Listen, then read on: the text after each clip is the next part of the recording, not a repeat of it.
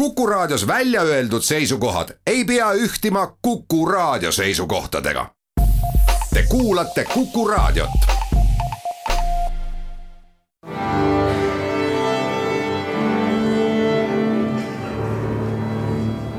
daamid ja härrad, Eesti Kontserdi saade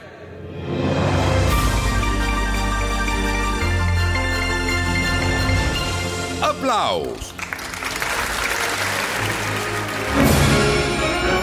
Tere kõigile, aplaus on eetris, mina olen Lauri Aav täna on hoopis teistsugune saade, mitte ainult sellepärast, et alates eelmisest nädalast taastus kontserttegevus üle Eesti ja vaikselt hakkame täies mahus elule ärkama uuesti.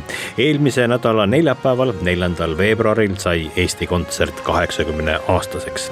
õnnitlen siinkohal juubilari, palju õnne meile kõigile, headele töökaaslastele kontserdimajades Tallinnas, Tartus, Pärnus, Jõhvis ja ka Peterburi Jaani kirikus ning palju õnne kõigile endistele töökaaslastele, kes nii Eesti Kontserdi kui ka selle eelkäija Eesti NSV Riikliku Filharmooniaga aastakümnete jooksul seotud on olnud. Seega on meil seekord selline natukene teistmoodi sünnipäevasaade ja räägime alustuseks Eesti Kontserdist. Meie loomenõukogu esimehe professor Toomas Velmetiga. Eesti NSV Riiklik Filharmoonia loodi täna neljandal veebruaril aastal tuhat üheksasada nelikümmend üks, kui sinna aega tagasi vaadata, siis ümbritsevad ajad olid palju, kuidas öelda, turbulentsemad kui praegusel hetkel, kui on selline pisikene nakkuslik kriis. samas kontsertide kavad olid äh, ikka needsamad, mis praegu, Tobias, Kapp, Beethoven. ja Eesti muusikat mängiti isegi rohkem kui, kui tänapäeval. Äh, päris nagu filharmooniline tegevus algas ikkagi pärast sõja lõppu. Mitte isegi pärast lõppu, vaid juba neljakümne neljandal aastal. vaatamata sellele, et ei oska protsentuaalselt öelda, võib-olla kolmandik meie interpreete lahkus neljakümne neljandal aastal ja Venemaalt Jaroslavlist tuli üsna palju äh, neid tagasi. nii et oli neid, kes filharmoonilist tegevust jätkasid ja muidugi raadioorkester, tänane ERSO, kes iga nädal tegi kontserdikava enne seda, kui Äh, kontsertsaal äh, restaureeriti mm. -hmm. sealt on muide minu esimesed äh, muljed.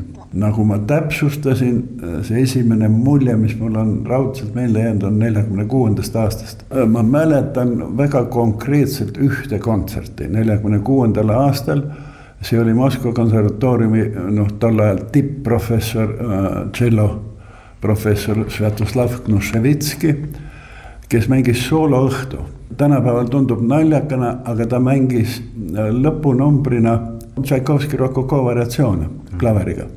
ja ma mäletan seda Tšaikovski rokoko, millest ma ei teadnud tol ajal muidugi midagi.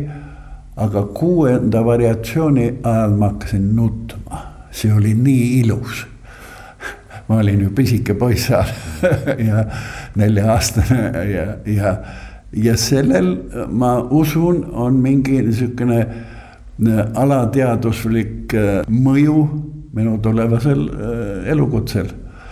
No millised olid tolleaegsed kammerkontserdid, kas oli saal publikut täis, milline oli publiku reaktsioon muusikale, kas selline vaoshoitud või elavam?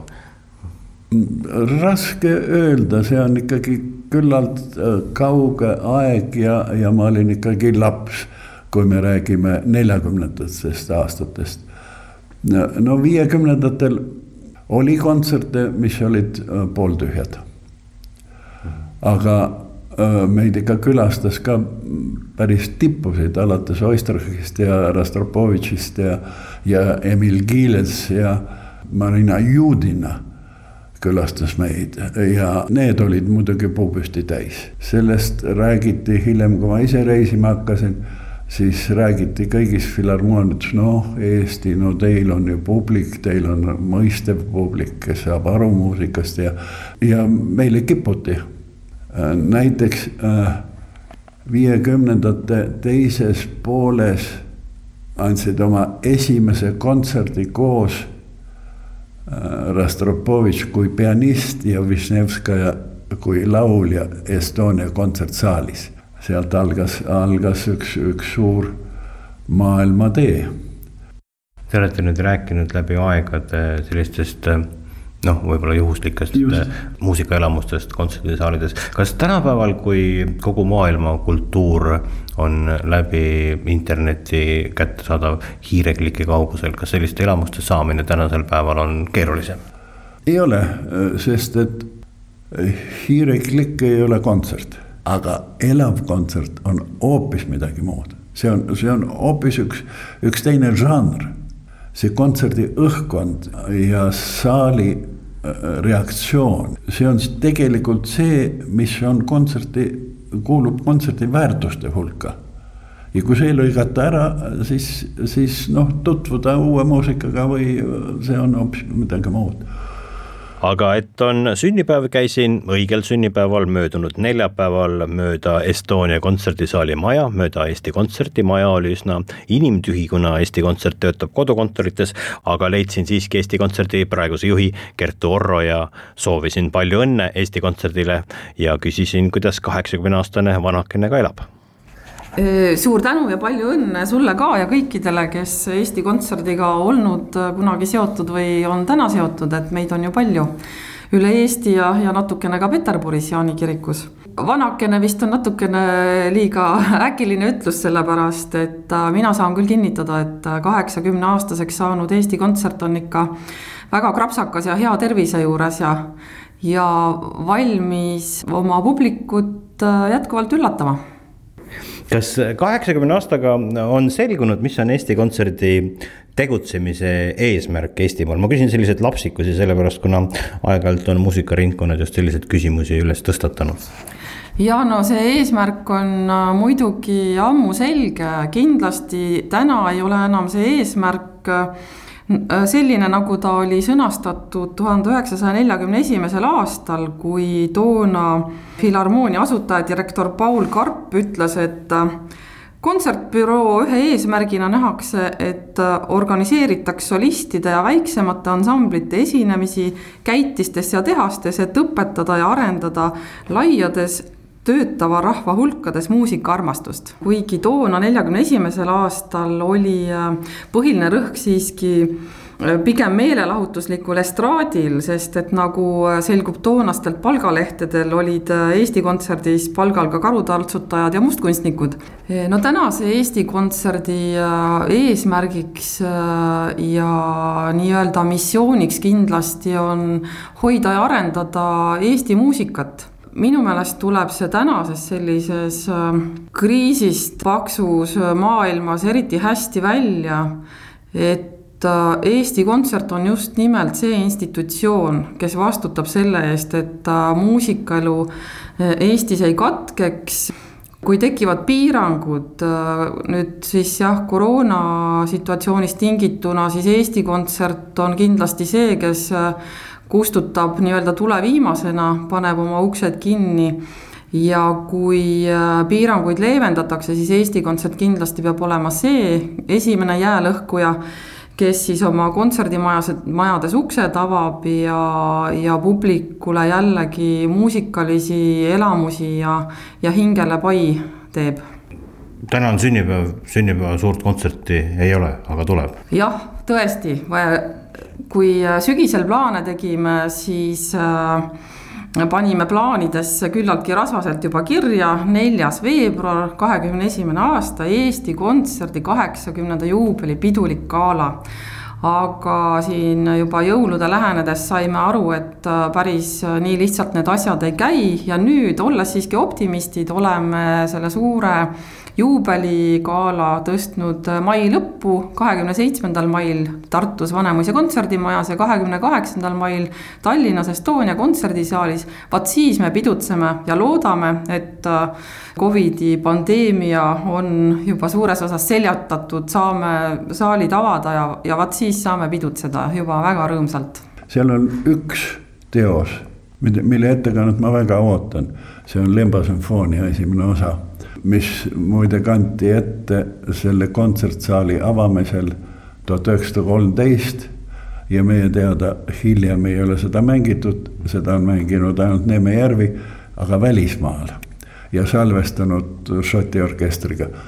mul on üks muusikaajaloo kursus muusikakoolis ja ma mängisin lastele seda teost. see oli teos, mis neid haaras, kui see lõppes, siis oli aplaus. ma ei ole ühegi Beethoveni ega Brahmsi teose puhul seda kogenud loengu, loengu raamis.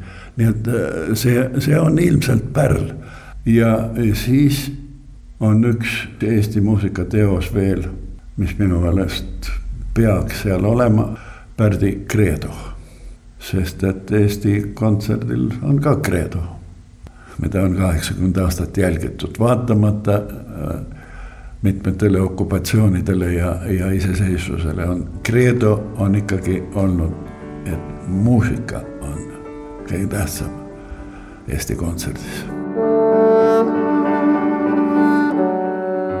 muusika on kõige tähtsam Eesti Kontserdis ja usutavasti saame seda lähinädalatel teile kõigile järjest rohkem pakkuda.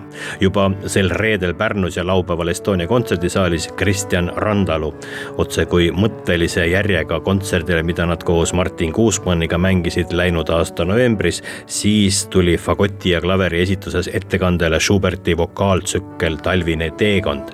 nüüd esitab Kristjan oma klaveriversiooni Schumanni Dichterliebest ehk siis poeedi armastusest. mõlemad tsüklid on Kristjan Randalu töötluses ja pisut džässilikumas nägemuses. igal juhul on see põnev ja isikupärane viis mõtestada romantismi ja märgilisemaid laulutsükleid ilma vokaalita. sellest hoolimata kuuluvad või kuulusid mõlemad kontserdid meie Leader Christ kontserdisarja ja Kadri Voorand, Chamber Music Ensemble, peaaegu et uus kooslus, millest väga palju ootan, tuleb oma peaaegu et esimese kontserdiga Hing lase lendu Kadri kammeransamblisse kuuluvad nii džässilike instrumentide mängijad kui ka keelpillikvartett.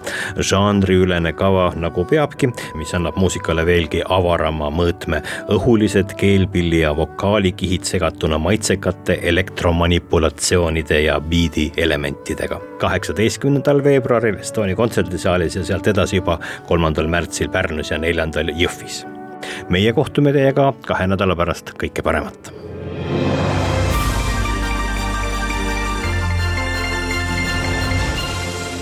aplaus